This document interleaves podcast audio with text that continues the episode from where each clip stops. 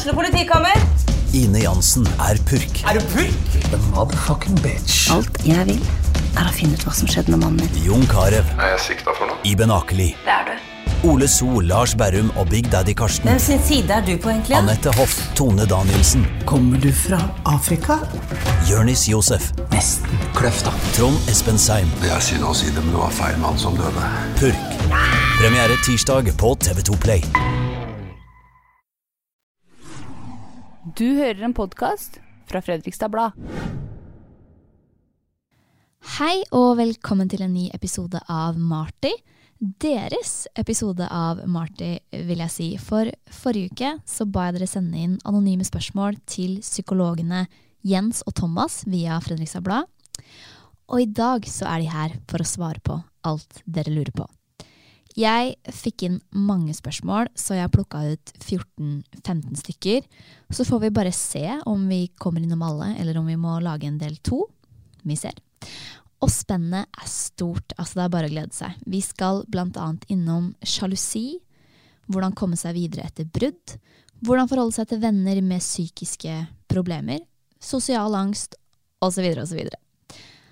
Men før vi kaster oss over det dere lurer på, så vil dere kanskje vite hvem som sitter her og skal svare på deres store og små utfordringer. Så velkommen skal dere være, Jens og Thomas. Tusen takk. Takk for det. Jeg vil jo gjerne at de som kommer hit, skal vite litt hvem dere er. Ja. Så jeg tenker Kanskje du kan starte, Jens? Ja. Navn, alder, hva du jobber Ja. med, hva du møter i hverdagen. ja. Jeg heter Jens Ruud, er eh, 30 år, 30 i fjor, Um, og jobber i Freisa kommune. Mm. Uh, nå glemte jeg kanskje å si litt om meg selv. Ja, du kan gjerne si litt om Ja. meg selv. Jeg bor på Kråkerøy og har en uh, samboer. Mm. Og så har jeg en hund. Jeg har ingen barn. Hva slags, hva slags hund har du? En golden retriever. Oi! Ja. Den beste typen. ja, veldig glad i den. ja. Og jeg jobber i Fredrikstad kommune. Mhm. Og jeg jobber med psykisk helse for de som er over 16 år, primært. da. Mm. Og der møter vi mye. Vi driver med gruppebehandling, driver med individuelle samtaler. Og eh, litt kurs og mm, egentlig mye forskjellig. Mm. Aktiviteter. Ja. Generelt mye, mm, ja, mye individuelle samtaler også. Men, eh, mhm. Og møter mye forskjellig. Det er eh, veldig mange som henvender som henvender seg med forskjellige grunner. Mm. Um, alt fra Du kan hjelpe meg, Thomas. Du jobber jo også Mhm. samme sted, men eh, Ja. det er jo mye angst og depresjon og, og mye normalisering driver med i hverdagen. Normalisere problemer med psyken, holdt jeg på å si. Ja. ja, Kan ikke du si litt kort hvem du er, eh, Thomas? Absolutt. Jeg heter uh, Thomas Knutsen. Jeg er uh, 50 år blitt. Mm. Uh, er pappa til en sønn på 12. Um, og jobber også i Fredrikstad kommune. Um, kan eh, bekrefte det som eh, Jens sier. Vi treffer eh, mye mennesker med ulike utfordringer. Um, det kan være livsbelastninger, det kan være ting man står i, eh, brudd. Um, det kan være ja, vanskelige ting på arbeidsplassen. Det, noe kan være, handle om stress og stress, eh, stressfulle eller hverdagsaktiviteter. Mm. Så, um, og, og det å kjenne på det å ikke ha kontroll, da. Før vi liksom kommer i gang, kan ikke dere forklare hva, hva gjør en psykolog egentlig? Ja, en psykolog gjør mye forskjellig. Altså, det, det er eh, Jeg tenker at vi har eh, i, sånn, I studiet vårt, da, vi kan si noe om det, så, så har vi jo veldig mye fokus på uh, normale reaksjoner og på normal utvikling. Eh, og hvordan vi mennesker eh, interagerer og forholder oss til hverandre på. På gode og mindre gode måter. Mm. Eh, og, så Jeg tenker at liksom eh, vår oppgave er veldig mye det å ha en sånn ikke-vitende posisjon. Da. Altså det å på en måte være litt eh, nysgjerrig og vitebegjærlig og spørre og utforske. Um, uten å måtte nødvendigvis ha svaret på forhånd, Mm. Tenker jeg. Um, mm. Det sånn Ja. Ja. Jeg og de som hører på nå, kan jo ikke vente med å høre hva som skjer, eh, og hva dere skal svare på. Vanligvis så pleier vi liksom å få mer informasjon Når vi møter folk i, i terapi, da, så gransker vi og spør mye på forhånd. Og, så nå får vi litt sånn lite informasjon, så jeg er litt sånn spent på hvordan det er å svare på det. da. Mm. Korte spørsmål. Mm. For spørsmåla var helt anonyme. Men jeg skrev at hvis man ønsker, så kunne man legge til livssituasjon og alder. Hjelper det dere noe spesielt? Kanskje litt. Ja. Kanskje litt. Ok, vi kommer i gang. Og første spørsmål. Hei! En i vennegjengen har gått ned mye vekt på ganske kort tid. Vi vil gjerne ta det opp med henne, men vet ikke hvordan. Bør man ta det opp i det hele tatt? Håper vi kan få noen råd og tips til hvordan man eventuelt kan starte samtalen. Vi er 27 år, alle sammen. Ja. Mm -hmm. Det her er jo en vanskelig, vanskelig situasjon, som vi forstår at det er vanskelig å stå i Mhm. som venninner, og si at en venninne kanskje ja, sliter med, med vekt, da, vektproblematikk, og eventuelt noe spiseproblematikk. Det vet man jo ikke helt, da. Men uh, den, den ser vi er vrien. Det er litt uh, betent tema, da. Ikke sant? Eh, det er Ja, kropp er vanskelig, er det ikke det? er vanskelig, er vanskelig å, å snakke om, og, og, og mm, det er jo mye fokus på dette her, eh, med vekt. Mm. Eh, og mange kan kanskje kjenne på, eh, på litt sånn usikkerhet knytta til kropp, da. Mm. Um, Dere sitter vel kanskje ofte på andre siden og får inn eh, disse som syns det er problematisk. Vennene Mm. eh, snakker jo ikke dere så mye med. nei, Nei. Nei jeg, jeg tenker at det er, det er veldig, Jeg syns det er veldig fint at den spørsmålsformuleringen kommer opp, da. Mm. Sant? Fordi her er jo en, eh, noen eh, Ja, det, hvor mange var dem? Ja, det er i hvert fall noen venner som er Mm. bekymra. Hvordan, hvordan bør man, eh, eller som de spør om med en gang, bør man ta det opp i det hele tatt? Jeg tenker at svaret er ja, egentlig. Ja. Det burde man ta opp, men så er det måten man gjør det på, da, som Ja. er litt sånn vanskelig. Det er det. Eh, den er vrien. ikke sant? Det spør dem om òg. Mm. Vet ikke hvordan vi skal ta det opp. Men jeg tenker jo at det å være nysgjerrig, da, det skader ikke. Nei. Det å liksom undre seg over det man ser. Man har jo sett noe som man har reagert på. Mm. Og undre seg over hva er det her kan handle om. Mm. Der kan man ikke gå feil, tenker jeg da. Men skal vi starte med settingen? Hva slags setting bør det være? Skal alle venninnene samles og sette seg ned og prate med den personen? Skal man gå en tur? Skal man, hva, er, hva er beste måten Ja, uten at man føler seg tatt på?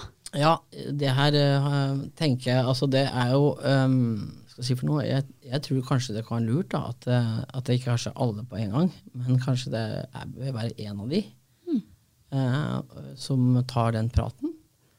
Uh, og at litt som Jens var inne på her, at det er viktig å uh, stille seg litt undrende og komme, si noe om at eh, vi venner rundt ønsker å snakke direkte med deg istedenfor å gå bak din rygg. Eh, og ser en utvikling som, eh, som har i hvert fall gjort at vi har blitt bekymra. Eh, og så lurer vi på om, eh, om, eh, vi, om det er grunn til bekymring. Eller at vi kanskje, kanskje vi har tatt feil. Så litt å, å være litt sånn, som Jens var inne på i stad, litt sånn nysgjerrig på eh, er det grunn til bekymring. Mm. Eh, og i så fall eh, hva? Jeg likte settingen din. da. Kanskje gå en Mm. tur kunne vært fint, tror jeg. Jeg liker å gå Litt tur. sånn naturlig at man kjører bil eller går en Ja. tur hvor det ikke er liksom så veldig intenst. da. Det er litt Ja. ufarliggjørende. Ta litt, Sånn, mm. Ta det ned. For har det noe å si å, når man slipper å se hverandre inn i øynene, at det kan bli Fra et psykologisk perspektiv, er det litt intenst? Ja, det kan fort bli det. Altså, Ja. Jeg tenker i hvert fall at det, det å ha et felles fokus med det å gå en tur, kan være veldig veldig så bra. Mm. Særlig om man får muligheten til å liksom ikke måtte sitte i den kontakten hele tiden. da. Man kan få pause ved å se på noe naturlig rundt seg. da. Det kan være veldig fint. da. Med det å gå en tur eller kjøre en tur absolutt. eller sånne ting. da. Så oppsummert, Mm. kanskje ikke gå inn hele flokken og spørre, men ta ut, være en som tar det opp i en naturlig setting. Det kan være en fin greie. Og, og hvis man har en venninne som enten går veldig mye opp eller ned, så bør man ikke være redd for å spørre. Det, Det var kort. Nei. Du, du, går, du går ikke feil da, i hvert fall Nei. ved å undre seg, men du må også være åpen for at du, du kan tatt feil. Mm. At det er helt naturlige grunner, som du, så du må kanskje det, tenke litt annerledes etterpå. da. Mm. Du må være åpen for det også, at ikke du kommer inn med svaret, liksom. Mm. Mm. det er viktig. Det tenker jeg liksom er viktig for oss alle. Liksom det å, vi kan alltids bli bedre på å, å ikke ha sånn forinntatte holdninger. da. Ikke sant? Mm. det er lettere sagt enn gjort, men det er alltid et et godt fokus, det. Vi går videre. Spørsmål nummer to. Det er en som lurer på hvorfor lyver vi? ja. ja. Hvorfor lyver vi? Ja, Hvorfor lyver vi, ja? Eller lyver vi? Lyver mennesker? Altså det, Ja. Ja. Ja, jeg, jeg liker å lyve sånn. Ja, ja, jeg, jeg tenker også at vi gjør det. eh, Ja. Og, og ikke, det trenger ikke nødvendigvis bare være negativt, det. Jeg tenker at noen ganger så, eh, så gjør vi det også litt for å beskytte. Ja. Beskytte andre eller sjøl, da. Ja. Og Ikke, man trenger jo ikke å sette ord på absolutt alle tankene sine noen ganger.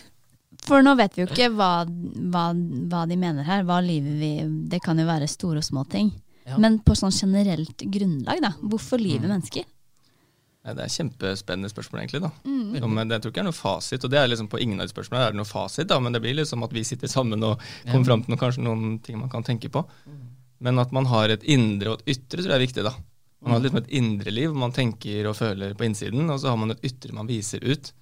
Og av og til når ikke det stemmer kanskje overens, og liksom å beskytte, tror jeg, som du sa i stad, beskytte seg selv, sitt indre, eller beskytte andre, så kanskje velger man å lyve for at det blir, gjør ting mer behagelig. Ja. Um, så kan man si liksom alle funksjonene til lyving, men det er jo ikke spørsmålet. Men det er, liksom, det er mange funksjoner det har. da. Ja. Kanskje lettere å beskrive funksjonene enn hvorfor. ja. Kan dere komme med noen? Ja, ja det er jo kanskje noe med dette her med ja, litt sånn forsvarsmekanismer, egentlig. Eh, Det, det snakker vi om i, i, i psykologien, da, ikke sant. At eh, noen ganger hvis sannheten er litt vanskelig å forholde seg til, da, eller snakke om, eh, så kan man eh, ty til litt sånn forsvarsmekanisme, benektning f.eks., er en sånn type. Eh, hvor man da gjør for å liksom på en måte unngå å ta det opp, eller hvor det kan være vanskelige følelser knyttet til å ta det opp. da. Så gjør man det. Ja. Hvis noen spør hvordan du har det, og så svarer du ikke helt ærlig på det, Nei. da lyver du på en måte, og så skaper det kanskje litt større avstand enn det man kanskje Det skaper litt avstand kanskje da, mellom deg og den personen som spurte. Mhm. Og det blir jo kanskje ikke helt det du vil, men det er det som blir konsekvensen av å lyve. da, ikke sant? At eh, det var en mulighet hvor det kunne bli litt nærmere, det kunne liksom vise litt sårbarhet, men så velger du å si nei da, eller ikke svare på det. Mm. Og som gjør at det kanskje blir eh, litt annet resultat enn det du begynte med. da. Så hvis du bruker det til unngåelse av vanskelige ting, så er jo det ganske dumt. da. Ja. Uhensiktsmessig. Ja. Uh, men det kan også være ganske sånn prososialt, som man sier. da, At det kan være ganske sånn bra for, for de rundt deg at du gjør det også. Hvis du vil skåne de litt. Mm. Ja, altså, derfor så syns jeg det er viktig at det, jeg synes det er fint at det spørsmålet kommer opp. da.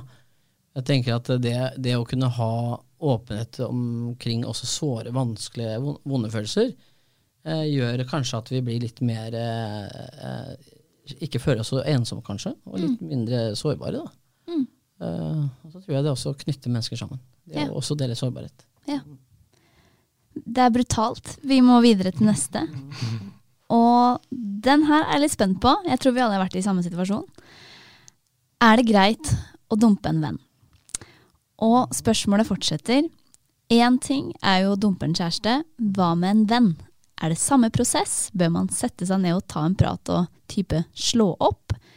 Eller er det greit å gradvis ha mindre og mindre kontakt? Ja. Mhm. ja, godt spørsmål. Ja.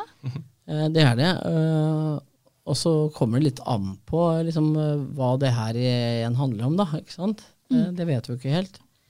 Vi skal si noe generelt om det. Så, eh, så er det jo eh, viktig, i hvert fall, tenker jeg, da, å, å snakke og kommunisere rundt eh, følelser man opplever.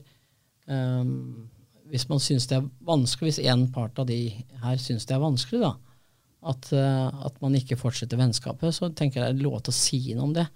At dette syns jeg er vondt, dette synes jeg er leit at vi ikke kan fortsette. Og, og, og ikke minst for også sjekke ut om det er noe eh, man har bidratt med da, som har gjort at det har blitt sånn. Mm. Det er viktig. Eh, hvis ikke så vil jo den andre ikke få greie på hva det handler om. Eh, og sitte igjen og spørre og være veldig nysgjerrig på hva gjør jeg noe galt. Ja, for jeg eh, kjenner meg jo litt igjen i denne med gradvis mindre og mindre kontakt. Det er jo veldig vanlig. Begrepet dere sikkert har hørt, er jo denne ghostinga. Ja. En enkel utvei. Men kanskje ikke så enkel for den som sitter igjen. Eh, litt sånn generelt om ghosting og sånt. Mhm. Er det en smart løsning? Nei. Nei. Nei. Fader! Nei, jeg tenker ikke det, altså. Jeg tenker ikke det. Eh, jeg, jeg syns Altså eh, Du vet, jo mindre informasjon vi har om noe, jo mer på en måte har vi igjen til fantasien. Hvis du skjønner meg på det. Ja. Da, da kan man på en måte bli sittende igjen og, og, og bekymre seg og gruble veldig mye. Og det er ikke så veldig godt, da. Nei. Ikke sant? Eh, Så jeg tenker Jeg syns ghosting er et forferdelig begrep. Ja, det er jo det. Ja. Men det skjer. Det skjer. Mye. Det skjer mye. Mm. Jeg tenkte også på at man må se på motivet da, for hvorfor man ønsker å dumpe en venn. Mm. Eh, om det er liksom fordi at de, at de liksom skaper ubehag for deg. Ikke sant? At det egentlig er noe du kan ordne opp med å snakke sammen om det. Eh, så kan man kan- kanskje løse med å prate litt sammen. Mm. Um, hvis det handler om at dere har sklidd fra hverandre, så må man jo kanskje si, ja, sette ord på det. da. At, eh, men, men det er vanskelig samtale. da. Den er jo kjempevanskelig. Mm. Det er ikke noe, liksom, noe godt svar på hvordan den skal se, se ut, tror jeg. Nei. Den, eh, det letteste er jo bare å la det gli ghoste. Det er jo det letteste, det er derfor man gjør det, tror jeg. Ja. Mm. Det er jo veldig enkelt, Ja. og det føles godt. Og det er jo en, en type unngåelse da, som vi snakker om.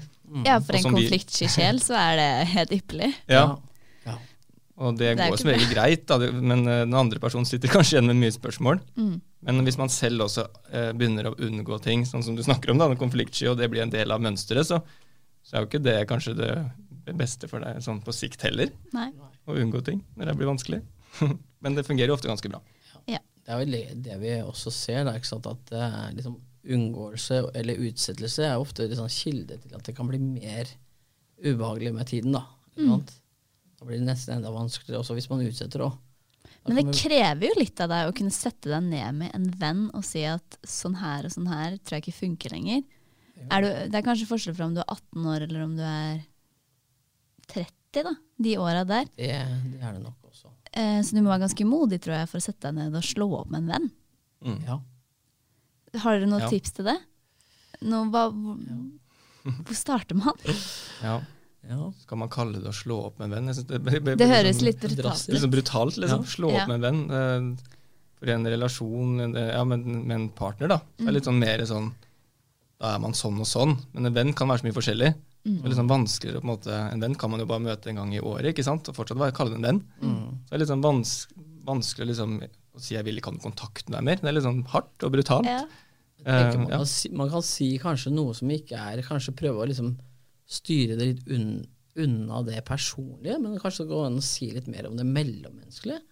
Ja. Så skjønner meg litt, at Hvis man eh, liksom legger med på at eh, nå har jo vi eh, vært venner en, stund, og så har det, har det utvikla seg, og vi har ikke helt sammen fått det til. Nei. At man liksom legger det mer på det, da, så det ikke blir sånn veldig sånn på den enkelte person. Ja. Som da vil kanskje sitte igjen og føle seg veldig eh, vanskelig og ja, Ja. Ja, men det var gode tips. litt sånn kanskje. Ja. Dere skal få lov til å komme inn i litt ekteskap og sånt her. For det er en som lurer på hvordan få tilbake gnister i ekteskapet. Og hvor lenge skal man jobbe for at det skal fungere? Mm. ja. Vi frykta det her litt, Thomas. Ja, vi- vi er ikke noen parterapeuter, men. Nei. vi frykta litt de her ekteskaps... Ja. Ja. Og det var mange. Det var Mm. mange eh, av de spørsmålene. Ja. Så det sitter en del Fredrikstad-folk der i ekteskap som de gjerne skulle Ja. fått litt Ja. gnister tilbake i. Ja. Skjønner det. Mm. Mm. Hva, hva, på et sånt generelt grunnlag, da, hva ja. kan man gjøre? Um, Ja. Vi er vel litt sånn tilbake til, um, til uh, kommunikasjon igjen, da. Mm. Det tenker jeg i hvert fall. Mm. Ehm, og, og så tenker jeg det er viktig at, eh, at man er liksom til stede. Ehm, jeg tror eh, i dagens samfunn så er det veldig mye mange oppgaver man skal rekke over. Mm. Eh, og man er ofte veldig travel. Eh, og det å kanskje gjøre seg litt til, utilgjengelig for andre enn bortsett fra sin partner, da, sånn at man liksom setter av litt, tid sammen. Mm. Og det kan jo gjøre noe sammen. Kanskje liksom, ja, dra på en utflukt av et, en eller annen type art. Da, og, eh, om det er kort, uh, kortreist eh, tur, eller hva det nå er. Mm. Men uh, ha fokus på, på, på bare hverandre, Mm. tenker jeg. Kan være én uh, hvis det er mulig å få til, da. Men jeg tenker sette av tid, da. Mm. Så vil jeg legge til også en ting på det, Thomas, det er å være til stede. Ja. Det er lett å liksom kanskje finne på en tur, men også det å være til stede sammen. Da, at man kanskje legge bort telefonen hvis man er på tur. ikke sant? Mm. At det liksom ikke blir at vi drar på en sydentur for å ta bilder for sosiale medier. ikke sant? Da blir det litt sånn annet fokus igjen. Ja. Men at nå er det liksom vi to som skal ha det moro sammen. da. At man liksom klarer å lage det, lage det fokuset. da. Mm. Og være liksom til stede her og nå. Ja. For jeg tror det er liksom noe av det viktigste man kan gi en partner, det er jo tiden sin. på en måte. Mm. Det der om tilstedeværelsen sin. Ja. Um, jeg tror det er ganske viktig, og at det kan skje mye magisk i det. da.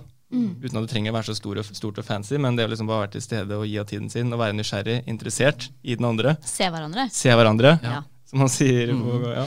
Man pleier å si. Se hverandre, det er viktig. Det er viktig. Psykologien, Ja. kjempeviktig. Se hverandre og, og være litt altså, Men jeg tenker også en annen ting, jeg, som, eh, som kanskje man ikke snakker så mye om. Men det å liksom gi hverandre også tid til å, eh, til å unne hverandre tid uten at man er sammen òg. Altså, Ja. For det, det er jo ofte sånn at man kan bli veldig sånn eh, sammen. sammen. Ja. men man, ja, men det, synes, høres, det høres ut som en god deal for meg, for Ja. jeg er livredd for at man ikke kan liksom være sin egen person òg. det tenker jeg er kjempeviktig å, å, å gjøre i et sånt forhold som skal vare. Ja. Eh, fordi at det kan liksom være med å sprite opp forholdet litt eh, hvis man har eh, opplevd ting på hver sin kant. Ja. Og kommer sammen og kan fortelle om, til partneren sin om hva man har opplevd og gjort. da. Ja. Sant? Så det kan gjøre det at det liksom gjør det litt mer spennende. Mm. Grei, da. Mm. Det kan være litt eh, Ja, få litt gnist av det òg. Enig. Og så skal vi over til noe helt annet. Det er det som er så gøy med folk som sender inn spørsmål. Og jeg tror de fleste har vært gjennom dette også, og det er Hvordan kan man komme seg videre etter et brudd? Det ble slutt i september i fjor, og jeg klarer ikke komme meg helt videre. Har dere noen tips? Hilsen mann 27 år. Og det er vondt. Den er kjempevond. Ja, den er, eh, den er vond. Mm. ja, den er vond. Mm. Og det, det skal du være, på en måte. ja. Mm. Vi snakker vel her litt sånn om eh, ja, litt sånn sorgprosess, da. Man kan jo trekke det dit. Mm. At det blir litt sånn som å sørge, på en måte. Og det tar jo eh, ulik tid for hver person, individuelt, veldig individuelt, hvor lang tid man liksom sørger etter et brudd. da. Man skal liksom løsrive seg fra en person man har vært knytta til, ganske lenge sikkert. Eller kort tid, det bør jo ikke være viktig, det. Så, mm, så det er jo liksom Ja. Jeg tenker på det litt sånn som pendel. da. At liksom I starten så vil liksom pendelen være veldig kort mellom sørge og liksom det vanlige livet, liksom nylivet. Mm. Og så blir det på en måte eh, lenger og lenger mellom liksom det å sørge og det å liksom prøve å finne et nytt liv. da. Så nå har det gått langt, det har ikke gått så lang tid for den, da, men det har gått en stund. Så det å liksom prøve å liksom rette fokuset også litt ut mot nye aktiviteter, ville jeg kanskje hatt, hatt som et lite tips der, da. Ja. Mm. Absolutt. Og så ja, jeg er litt sånn nysgjerrig på liksom, eh, Fordi det jeg tenker er ofte sånn i sånne tilfeller en på en måte har kanskje litt mer følelser enn en annen, da, kanskje. Mm. Som det kan høres ut som det er her. Eh, så går det veldig mye på hva man ønsker og håper. Ja. Sant? Man ønsker man håper kanskje å få eh, Holder ja. litt, kanskje kommer hun tilbake. Ja, kommer hun tilbake, ikke sant. Eh, det er jo ganske naturlig Ja. når man har utvikla sterke følelser for en. Men også så er liksom litt svaret litt som at man skal egentlig på en måte akseptere at sånn har det blitt. Eh, Ja. For hvis man eh, liksom strever, sk- liksom skal jobbe eh, og for å prøve å få noe som kanskje er et liksom, tapt kapittel, da, Mm. eh, så, så, så forhindrer man seg jo sjøl i å komme videre, og så opprettholder man kanskje litt og vedlikeholder litt da, Ja. av den, eh, den sorgen, tror jeg. da. ja. Eh, så, men det er jo veldig lettere sagt enn gjort, selvfølgelig. Å bare gi slipp. Ja, hadde vært så lett, Ja, så. ja, det hadde vært så enkelt. Men, men, jeg, jeg, men jeg tror likevel det er noe med den aksepten, da. Um, og så tror jeg kanskje også det er litt sånn at uh, hvis det hadde vært noe håp der, så tror jeg at den sannsynligheten for at den jenta eller den gutten kommer tilbake, er mye større hvis man våger og klarer å gi slipp. Hvorfor det? Det er Det der har jeg sett på TikTok. Og det er et paradoks Ja, også. ja, det er et paradoks. At du må gi slipp Ja. for å kunne få muligheten til å få den tilbake. Ja, hva er greia med det? Kan dere forklare det? Det er vel litt sånn tilgjengelighet, at liksom det blir litt utilgjengelig, da, og det synes vi er litt, det blir litt sånn jakt igjen, på en måte. Man kanskje Ja. kommer i kontakt med det igjen, litt sånn det som var i starten. Ja. At man liksom ikke hadde hverandre liksom nært hele tiden. Mm. At Det er for lett liksom, hvis han henger rundt der, liksom. Nettopp. Ah, ja. ja. For lett hvis han bare er det hele tiden. At det, Ja, det kan skape litt sånn, ja, litt sånn gnist igjen, da, ikke sant. At Mm. man, eh, Nå må jeg liksom være litt på igjen. For liksom Men nå gir vi jo han gutten her håp ja, igjen. vi ja, nei, det, ja, det, Det skal vi ro, vi rota oss helt bort. Det skal vi ikke. gjøre. Hvis du bare er litt utilgjengelig nå, så kommer du tilbake. Ja. Ja. Men kanskje i den prosessen også så skjønner man at det er andre ting der ute? At man ikke nødvendigvis vil gå tilbake òg, eller? Det kan godt være at, vi, at det blir sluttproduktet, ja. Ja. Så oppsummert, eh, komme seg litt ut der, litt nye aktiviteter, akseptere at det er over. Ja. Og ikke sitte og håpe at det skal bli dere igjen. ja. Faktisk tørre å gi Mm. slipp. For, gi slipp. Det er ikke lett, jeg skjønner det, men det er liksom Mm. kanskje veien litt videre, da. Ja. Det faktisk er over. Mm. Mm. Det er en annen her som skriver Jeg tappes for energi i sosiale omstendigheter. Eksempelvis kan jeg dra en tur på butikken, for så å komme hjem og bare legge meg på sofaen. Hjemme i rolige og stille omgivelser føler jeg at jeg får mer overskuddsenergi. Er dette noe jeg kan gjøre noe med for ikke å bli helt asosial? Ja. Så hun blir jo dratt i begge Ja. retninger her. Ja.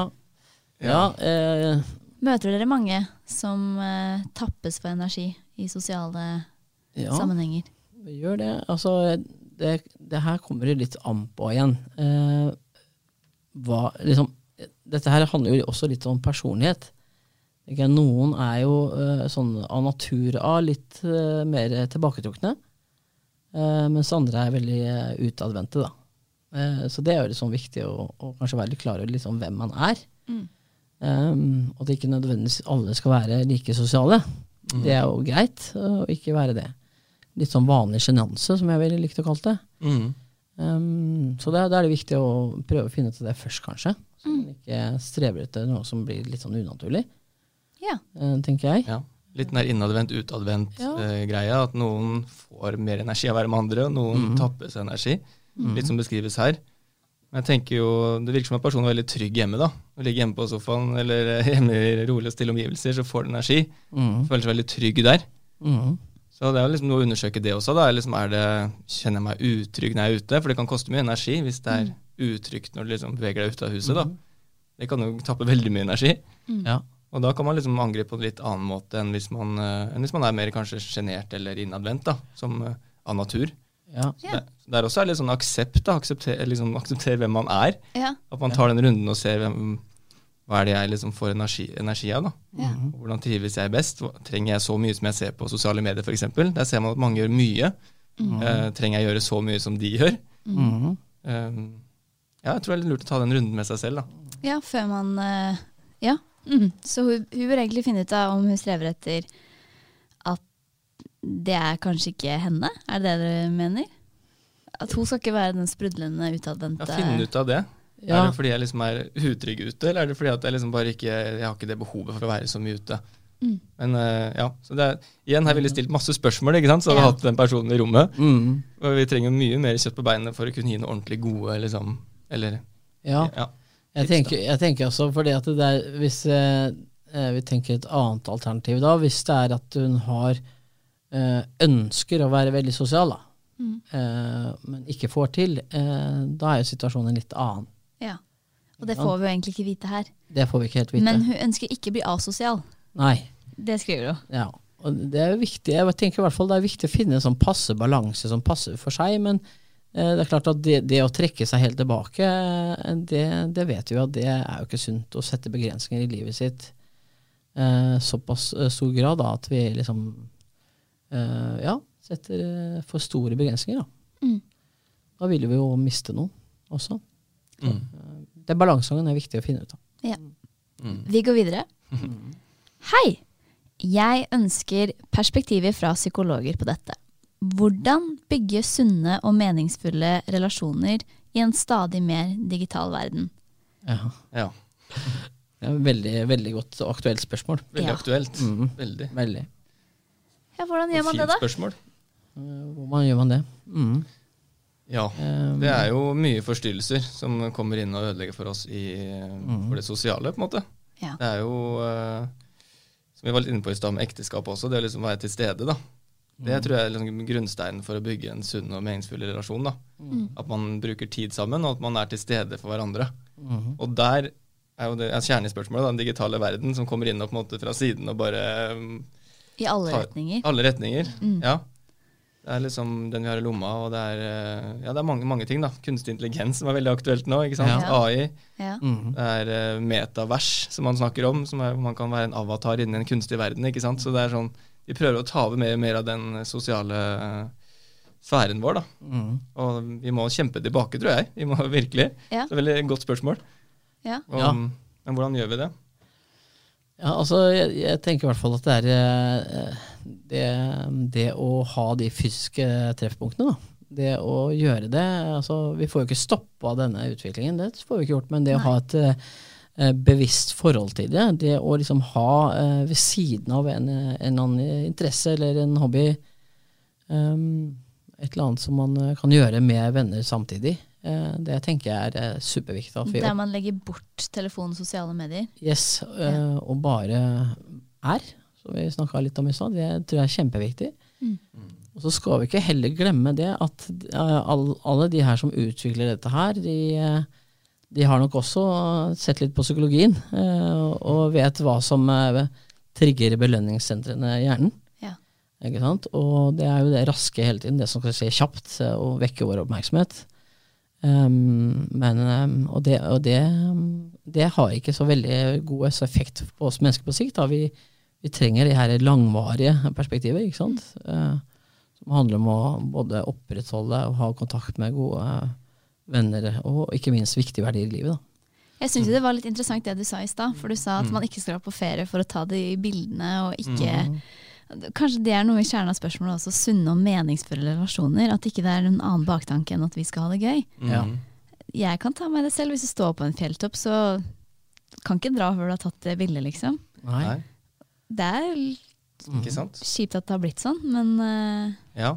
Men Det er viktig å bare huske på det, det er ikke sant? Det er hva, hvilke verdier ønsker man å ha, da. Ikke sant? Hvilke verdier skal vi ha i livet? Mm. Eh, er det de bildene vi skal poste og flashe, eller er det de viktige, grunnleggende viktige verdiene som handler om å være til stede, å være en god venn, eller det å bry seg, da. Ja, litt sånn, ja, ikke sant? Man tenker på det bildet på toppen her. Da. Hva vil jeg med det bildet her? Hvorfor tar jeg det her? ikke sant? At man, jeg tror ikke man tar de rundene med seg selv. Jeg tror man bare gjør det, Mm. på en måte, uten å tenke seg om hvorfor man gjør det. Og, hvis man, og Det er sånn bevissthetsendring, på en måte, at man må bli mer bevisst da, på hva man driver med. Mm. Og stoppe opp liksom, idet man får lyst til å ta opp telefonen. Ikke sant? Ok, Hvorfor skal jeg gjøre det her? Hva vil jeg med det bildet her? ja. Ikke sant? Ja. Da vil du sikkert få en litt sånn artig prosess oppi huet. Hva Ja. tror du ville skjedd da, hvis du hadde spurt deg det, stilt deg det spørsmålet? Jeg vet jo hva svaret er, jeg vil jo bare vise det frem. Ja. Mm. Det er veldig overfladisk. Mm. Men jeg, jeg, det er jeg bevisst på, på en måte. Men uh, det blir jo på en måte et jag når alle andre deler det de gjør, og det de gjør. Så får du en litt sånn Å, kanskje jeg skal gjøre det også. For hvis, folk må vite at jeg har det kult òg. Mm. Så det blir noe med det at når alle legger ut hvor kult de har det, så må, må du også vise at du Mm. har det så kult også. Men sosiale medier er jo en ekstremt liten del Mm. av livet. Veldig. Det, har kanskje dere, det snakker kanskje dere mye med folk om? Ja, altså vi eh, snakker om eh, ikke sant? Eh, Jeg tenker at det kan fort bli um, vi skal liksom, Jeg tenker Det er viktig at vi passer oss litt for at ikke alt på en måte blir uh, på ansvaret til den enkelte. Dette er også litt sånn strukturelle utfordringer, altså samfunnsstruktur. ikke sant? Tenker at det er greit å snakke om eh, sånn som han her, som tar ut det spørsmålet. Det er veldig fint. da. Mm. Fordi at det, her har vi jo liksom et, alle et ansvar. Det Ja. går jo ikke bare på det enkelte individ. Som kan føle seg eh, liksom mislykka fordi man ser på det, de bildene på Face eller på Insta. Mm. Så, så det å liksom kunne ta det opp her da, på et litt sånn større nivå, det er viktig. Eh, og hvor vil vi hen, liksom? Hvor, hvor skal vi med alt dette her, liksom? Ja. Eh, det er gode, jeg synes det er gode refleksjoner, da, ikke sant? Ja, Veldig. Ja. veldig. Og jeg tror man må legge til rette tror jeg da, for at, eh, ting skal, for at det her skal kunne vokse. Mm. At man må liksom rede grunnen da, for at eh, sunne og meningsfulle relasjoner kan oppstå. tror jeg er viktig. Ja, men hva skal man gjøre da? Nei, det tror jeg, ansvar, det tror jeg foreldre er veldig an, har mye ansvar. Mm. Legge til rette for at barna kan få lov til å møtes uten de digitale tingene.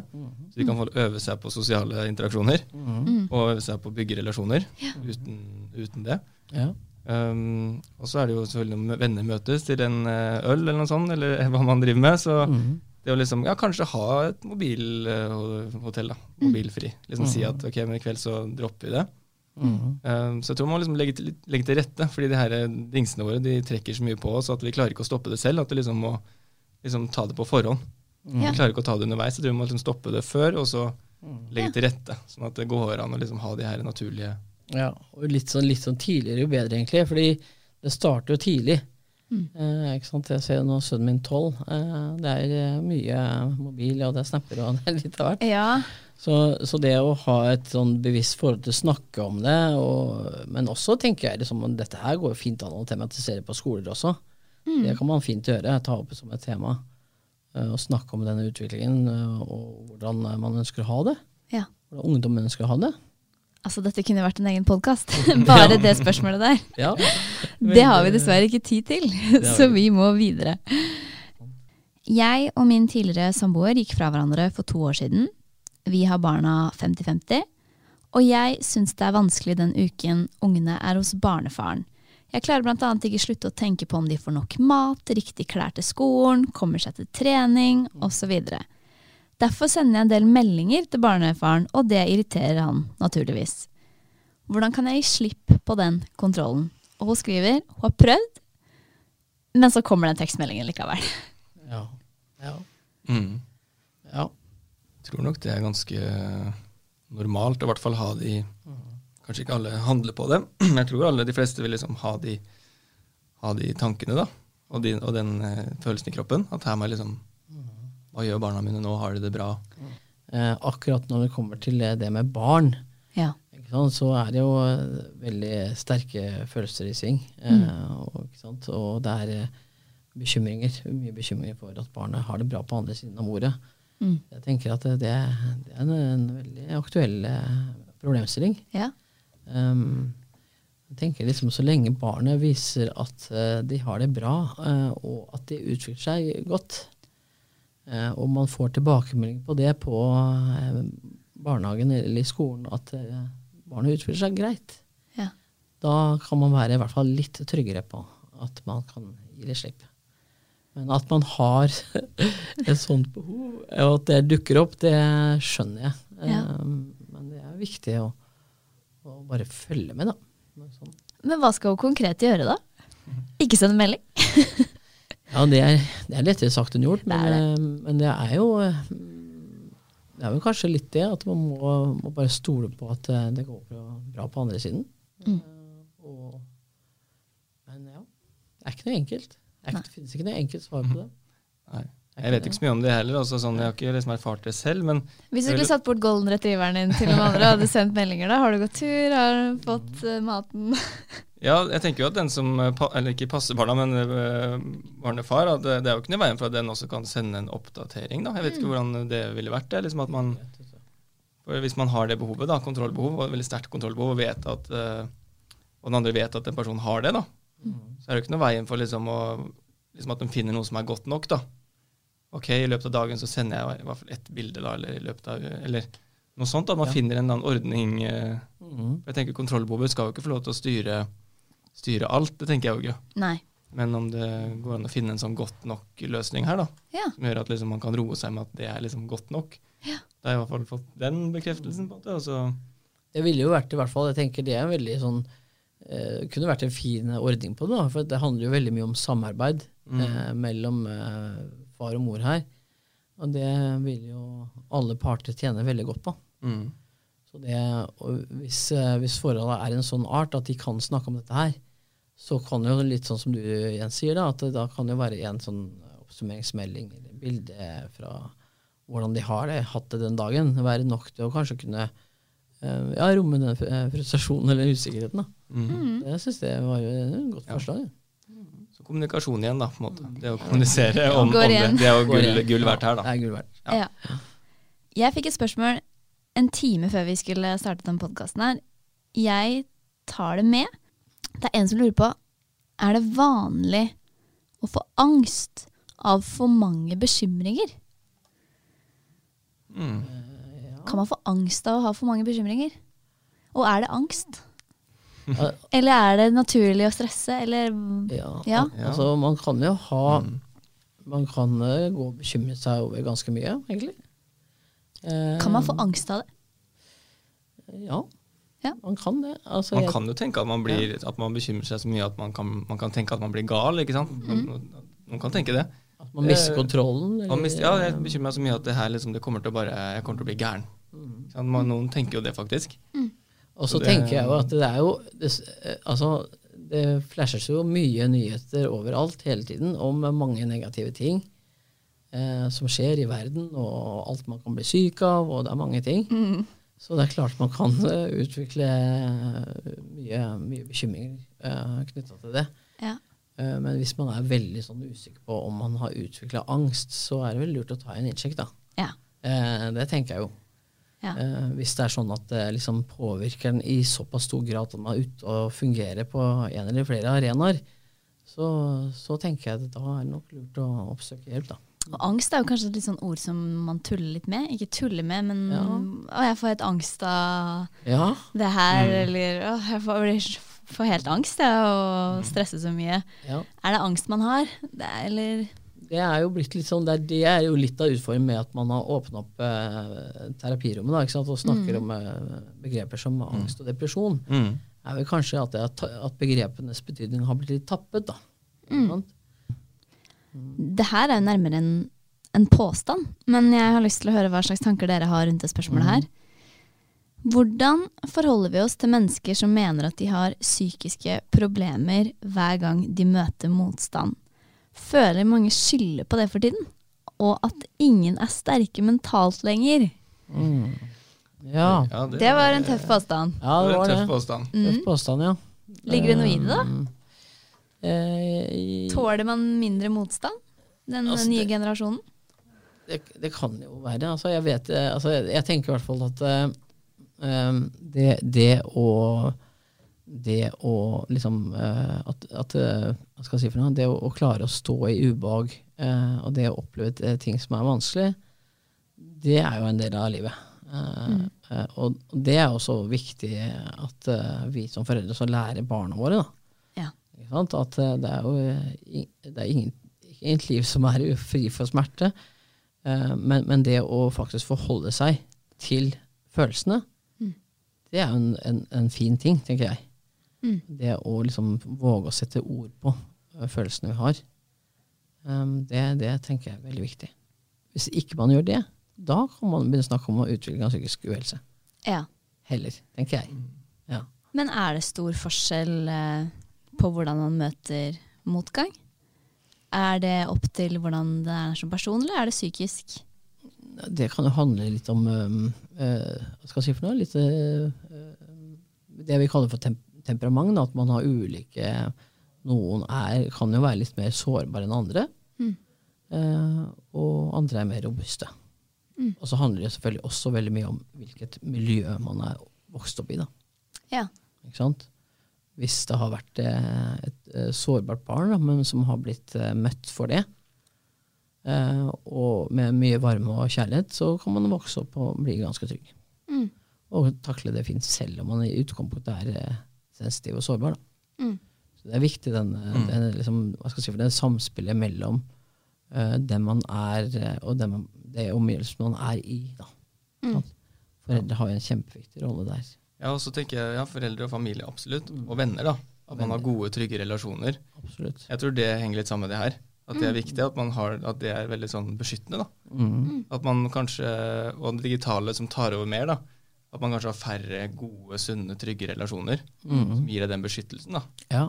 Og at man da ja, blir enda opp med å, å ja, bli litt mer sårbar, fordi man har liksom ikke den støtten i ryggen. Ja. Så kanskje det henger litt sammen med spørsmålet vi svarte på litt tidligere. Mm. At man må få, få, få på flere gode, sunne, trygge relasjoner. Mm. Som kan være en, en sånn Ja, som støtter deg i ryggen, da. Mm. Eh, Så Det- man ikke blir så, som ikke man blir så sårbar, på en måte. For hvis står man alene i, det er liksom som i skogen, står man alene som et tre, så er man veldig lett for å falle. Ja. Men hvis man har liksom den her støtten fra de andre, så står man litt tryggere. Ja. Jeg har litt tro på den. Eh, så det å finne, finne sammen med andre og finne fellesskap, det, det tror jeg kan være veldig nyttig da, for å bygge robusthet også. Mm. Det er veldig mange da som snakker mye om det der, eh, som Jens er inne på nå, i forhold til ensomhet. Mm. Eh, og ikke bare ensomhet i form av eh, at man er ensom, men ensomhet i form av at man liksom sitter alene med mye tanker da, og bekymringer. Ja. Eh, det er også en form for ensomhet. Eh, og der er jo liksom motgiften til det er jo da å kunne våge igjen å dele på det her, og være sammen i å dele på sårbarhet. Det å våge å hva skal jeg si for noe, nærmest opp, eh, Det å lære seg å mestre å være sårbar og, og ikke perfekt, Mm. det er uh, viktig. Ja. Jeg ser på klokka nå. Vi rekker to til. De to eh, siste her er superspennende. Eh, vi starter med nummer én her. Jeg blir sjalu når vennene mine får til ting som jeg ikke får til. Det er flaut, men jeg klarer ikke helt komme unna det. Er det vanlig å bli sjalu på vennene sine, og er det noe man kan gjøre for å stoppe det? Mm.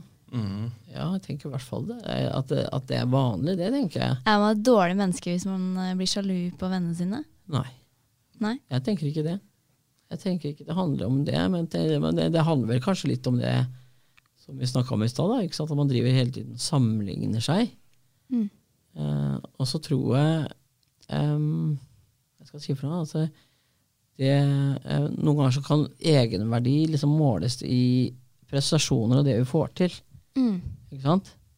Um, og, men jeg tenker at det er viktig eh, å kunne liksom bare få det til å være.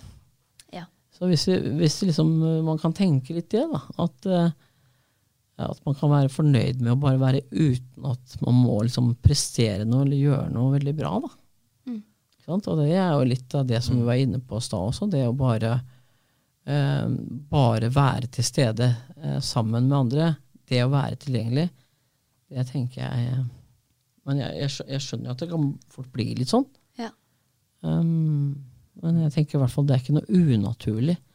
Jeg Nei. tenker Man skal ikke kjenne på skam fordi at man kjenner på at man kan være litt sjalu. Men er det kanskje for få som eh, er åpne om det? At man kan eh, For veldig mange sier at man sammenligner seg selv med på sosiale medier og med folk som man ikke kjenner i det hele tatt. Mhm. Men er det mer tabu å si at jeg sammenligner meg selv med vennene mine? Mm. Det høres jo nesten litt sånn ut. Det tror jeg kanskje. Ja, det tror jeg er inne på noe der. Ja. Det er lettere å si at liksom, å, det er så mye som skjer på sosiale medier som jeg har lyst til å liksom, at man kjenner FOMO, eller liksom at man skulle hatt den tingen der, eller ikke sant? Sånn som, som andre rundt. da. Mm. Når det kommer så nærme. At da blir det enda mer sånn, eh, jeg vet ikke, sårt, eller eh, at man føler seg dårlig da, hvis man kjenner på det. Mm. For det handler litt om at man kanskje ikke Sjalusi er litt sånn vanskelig følelse. At man liksom ikke unner personen det de har, eller det de har fått til. Og det, det er jo kjempe... Du kan ikke si kan ikke det. Si det. Nei, Nei, det, du sier det, ikke sant. Det var veldig kult at du kom på det på skolen, men åh, ja, ja. Ja. ja, ikke sant. Det er jo ikke akseptert å si Nei. det til en venn eller noen man kjenner. da. nei. At det der syns jeg ikke du skulle fått til. Eller eh, nei. Det er jo Jeg tenker mye, mye av sånn sjalusi kan jo også handle veldig om, om kanskje økonomi da, mm. og status. Mm.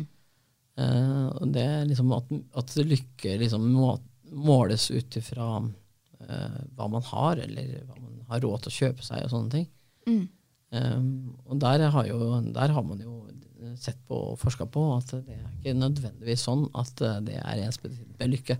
Men er det forskjellig på misunnelse og, og sjalusi?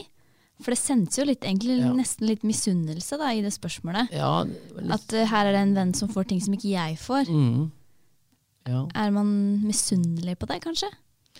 Det er i hvert fall viktig å skille det. Jeg tenker at det er forskjell på det. Ja. Um, jeg tenker at Sjalusi det er man jo gjerne på liksom, kanskje um, Det er kanskje knyttet til liksom, kanskje noe mer man har i en relasjon. Kanskje mer, jeg vet ikke. Det er vanskelig å svare på. Men, uh, men jeg tenker misunnelse er litt mer sånn uh, Ja, kanskje mer at man sammenligner, tror jeg.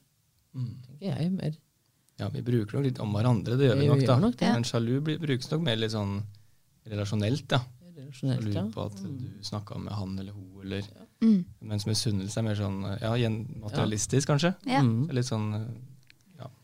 Det er veldig sånn vanskelig å tyde, eller vite helt hva hun Mm. spør etter, da. Men, um, Men det er tøft å bare eh, stille spørsmålet. Det liksom, da har de anerkjent at de faktisk gjør det, og at det kanskje ikke er så veldig sosialt akseptert. Mm. Hvordan skal jeg liksom løse det? Og jeg tror litt sånn eh, Ja, som var inne på, liksom det å bare la folk Eller liksom det å være, da, ikke liksom Det er veldig, veldig vanskelig for oss å snu det nå Ja, bare- her i rommet her, men, Ja. men det å liksom Ja, rette fokus mot det å liksom være Ja, det å være, da. Mer enn Mm. en det, det man gjør. Mm. At man ikke fokuserer. Men det er jo bare en sånn utopi, da. Ja. Man, man kan jo se på han Per Fugli har mange gode YouTube-klipp. Det kan man se på. ja, ok. Hvor han snakker om det å være god nok. Ja, ikke sant. Vi avslutter med et skikkelig stort spørsmål. Jeg er spent på hva dere har å, å si her. Jeg er spent på spørsmålet. Ja, er du klar? Det er Har individualismens store fremgang gått for langt? oi, det var et stort spørsmål. Hvorfor, eventuelt hvorfor ikke? Har vi blitt for egoistiske? En individualister? Det er også en påstand, da. Det er jo en påstand. Da legger han til grunn at vi liksom er enige at eh, den har gått, at Ja. individualismen For er langt. Men han for sier, ja, han sier jo hvorfor eller hvorfor. ikke. Kan dere ikke svare på det? Har det gått for langt? Eh, ja, det, kan jeg, det tenker jeg faktisk. At det har gått litt for langt. At vi er veldig individfokusert. Ja? Det, det merker vi jo. Ja. Også litt sånn i psykologien at liksom gruppetilbud og sånne ting er litt sånn at folk heller vil ha individuelle samtaler, f.eks. Mm. Jeg tenker liksom det der, Og det vi egentlig ønsker, er at folk skal bli mer i, i en del av fellesskap og mer stå sammen. og liksom eh, Mens vi blir liksom kjempa imot av den individualismen, som man kaller det. da. Mm. Um, at folk liksom har sine egne prosjekter Mm. og skal bare dyrke det på en måte og finne ut av det på egen hånd. Ja. Mens vi, vi ser jo at det som nytter, er jo når folk kommer sammen og løser det sammen da, ikke sant, i grupper. Mm. Så det, vi jobber litt sånn imot den, den trenden der, da, faktisk. Ja. Ja, og så er det, jeg tenker også det er veldig fruktbart å se det i et litt sånn større perspektiv, fordi at det blir så mye ansvar på det enkelte individ. Og det å sitte med det eh, altså, eh, Man kan føle det som en litt sånn stor byrde, da, ikke sant? når det blir veldig mye sånn på den enkeltes skuldre. Ja. Eh, så jeg tenker at er- vi kan godt eh, Jeg tenker det er viktig å snakke om det, liksom, det strukturelle som skjer i samfunnet også. Mm. Så ikke det bare blir at man føler at eh, nei, dette her må jeg søke hjelp til. Liksom. Det er bare min feil. Men sånn hvordan man oppfører seg Det her har jo nemlig vi prata litt med venninnene mine om. Stadig så møter vi folk som sier sånn Ja, men sånn er jeg, og du må rette deg etter det. Ja. Jeg vil ikke det, så da skal ikke jeg være med på det. Nei. Det føler jeg at jeg møter ofte. Mm. Er det nødvendigvis riktig at man ikke skal føye seg eller gjøre ting man ikke vil? Nei. Nei? eh, Det der er jo eh, altså det er interessant, fordi eh, eh, eh, Noen ganger så snakker vi mye om det her med, med selv, det å opptre selvhevdende. Mm. Det å stå opp for seg sjøl eh, som en god ting. Ja, det er det man får De som sier det her, tror jeg tenker at de gjør noe bra. Ja. Ja. Og det er jo også til dels riktig, men eh, på en, eh, på en annen side, hvis man bare gjør det, Ja. liksom Man bare tar og, og, og står opp for seg sjøl, så, så blir man også litt sånn kobla bort igjen da, fra, fra det fellesskapet. da, ikke? Man, man på en måte eh, skyver seg sjøl litt bort. da. Mm. Kan man fort gjøre da. Og så blir det litt, litt sånn at um, um, at, det, det, blir jo ikke egoisme, det vil jeg ikke si, men det, liksom i, det blir jo litt mer sånn em, at du ikke har fokus på fellesskapet. Og Det er jo akkurat eh, det som jeg tenker er litt sånn viktig at vi har eh, fokus på nå. da. Mm. Jeg tenker at de fleste vestlige kulturer har, eh, har blitt veldig individualistiske. Kanskje Ja. litt, i litt for stor grad, så der må jeg si meg litt Ja. enig i Jens. Altså. Det, jeg tenker også det. Mm. Betyr det at man egentlig må gjøre litt ting man egentlig ikke alltid har lyst til? Jeg tror av og til man må inngå kompromisser, ja. Det Ja. tror jeg. Ja. Det tror jeg er en god tanke.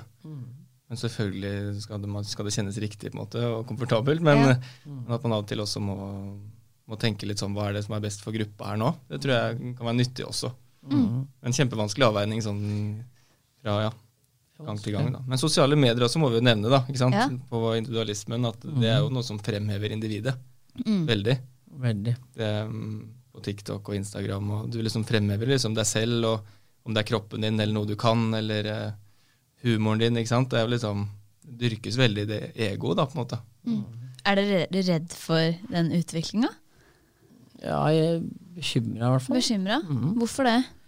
Jeg tenker at det, hvis det er eh, eh, Hvis man legger for mye tid og energi på dette her, så, eh, så, så vil det jo Så tror jeg man liksom fort kan ende opp med mye mer Enda mer ensomhet. da. Ja. Eh, enda mer isolert. At man blir sittende på hver sin tue Mm. rundt eh, med TikTok og alt det andre. Det er liksom Ja. Jeg tenker at det, det bør være en motvekt til dette, liksom. Alt det her eh, fokuset Mm. på vellykkethet og at man poster glansbilder. Jeg tror liksom at det Der er det Der, der, der vokser ensomhet, da. Ut fra det vokser med ensomheten, tror jeg. Mm. Og Derfor var det veldig kult at du har tatt initiativ til det her. da. Det Ja. kunne liksom få dele litt sårbarheten i kommunen. Ja. Mm. Folk kan se at liksom folk har forskjellige utfordringer. Som, ja, som er i, tett, i nabolaget ditt, kanskje, eller i neste nabolag. Eller.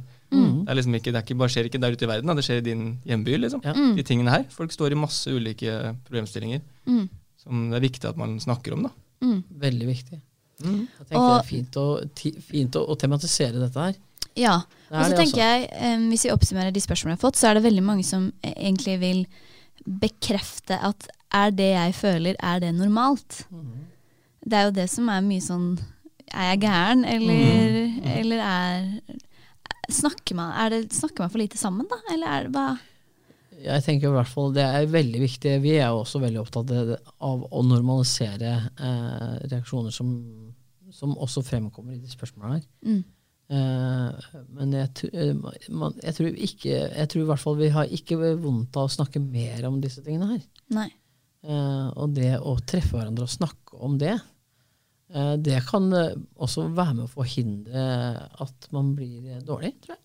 Mm. Jeg tror liksom det å ha et sånt litt sånn forebyggende fokus på psykisk helse med at man kan dele sårbarhet, snakke med venner om det, tørre å være feilbar, Mm. gjøre sånne ting, da, eh, ha litt selvironi og kunne le litt av humor på det, det, det er en veldig god ting, tror jeg, da, som kan eh, gjøre at man blir eh, Og så tror jeg sånn avslutningsvis, jeg har aldri gått til en psykolog. Dette er mitt første, første gang jeg har vært hos psykolog. jeg tror mange syns dere er litt skumle. Men eh, jeg syns ikke dere var så skumle. Nei, så bra. Det var godt å Det høre. var hyggelig. Ja. Det var hyggelig. Det ønska vi jo. Ja, vi, Ja. ja. Ja, er det, men Har dere inntrykk av det? At eh, man er litt redd for å, at dere skal analysere og Vi kan, jeg har jo fått det spørsmålet før. Ja, kan du tankelese? Ja, kan du tankelese? kan du- sånn? Ja. Det er kanskje mer på Ja. fest enn det er liksom sånn de som oppsøker hjelp. De, de virker på en måte ganske fort komfortable. Men, Ja. men eh, sånn på fest eller sånn privat, der er det kanskje dukker opp sånne type spørsmål. Da. Eller sånn, Ja. ja. nå sitter du sikkert og analyserer meg. Ja. Jeg sa det før jeg gikk inn her. Tenkte på hvor mange diagnoser jeg får før vi er ferdig. ja. Nå vet du hva jeg tenker, ja. Ja. Vi, vi er ikke tankelesere. Dere er ikke tankelesere. Dere er helt vanlige folk. Jeg tror vi tenker vi avslutter der. Jeg Takk for at dere det. ville komme. Selv takk for at dere ville komme. Håper vi har fått litt klokere Fredrikstad-folk. Det hadde vært fint. Det hadde vært artig. Yes. Ja.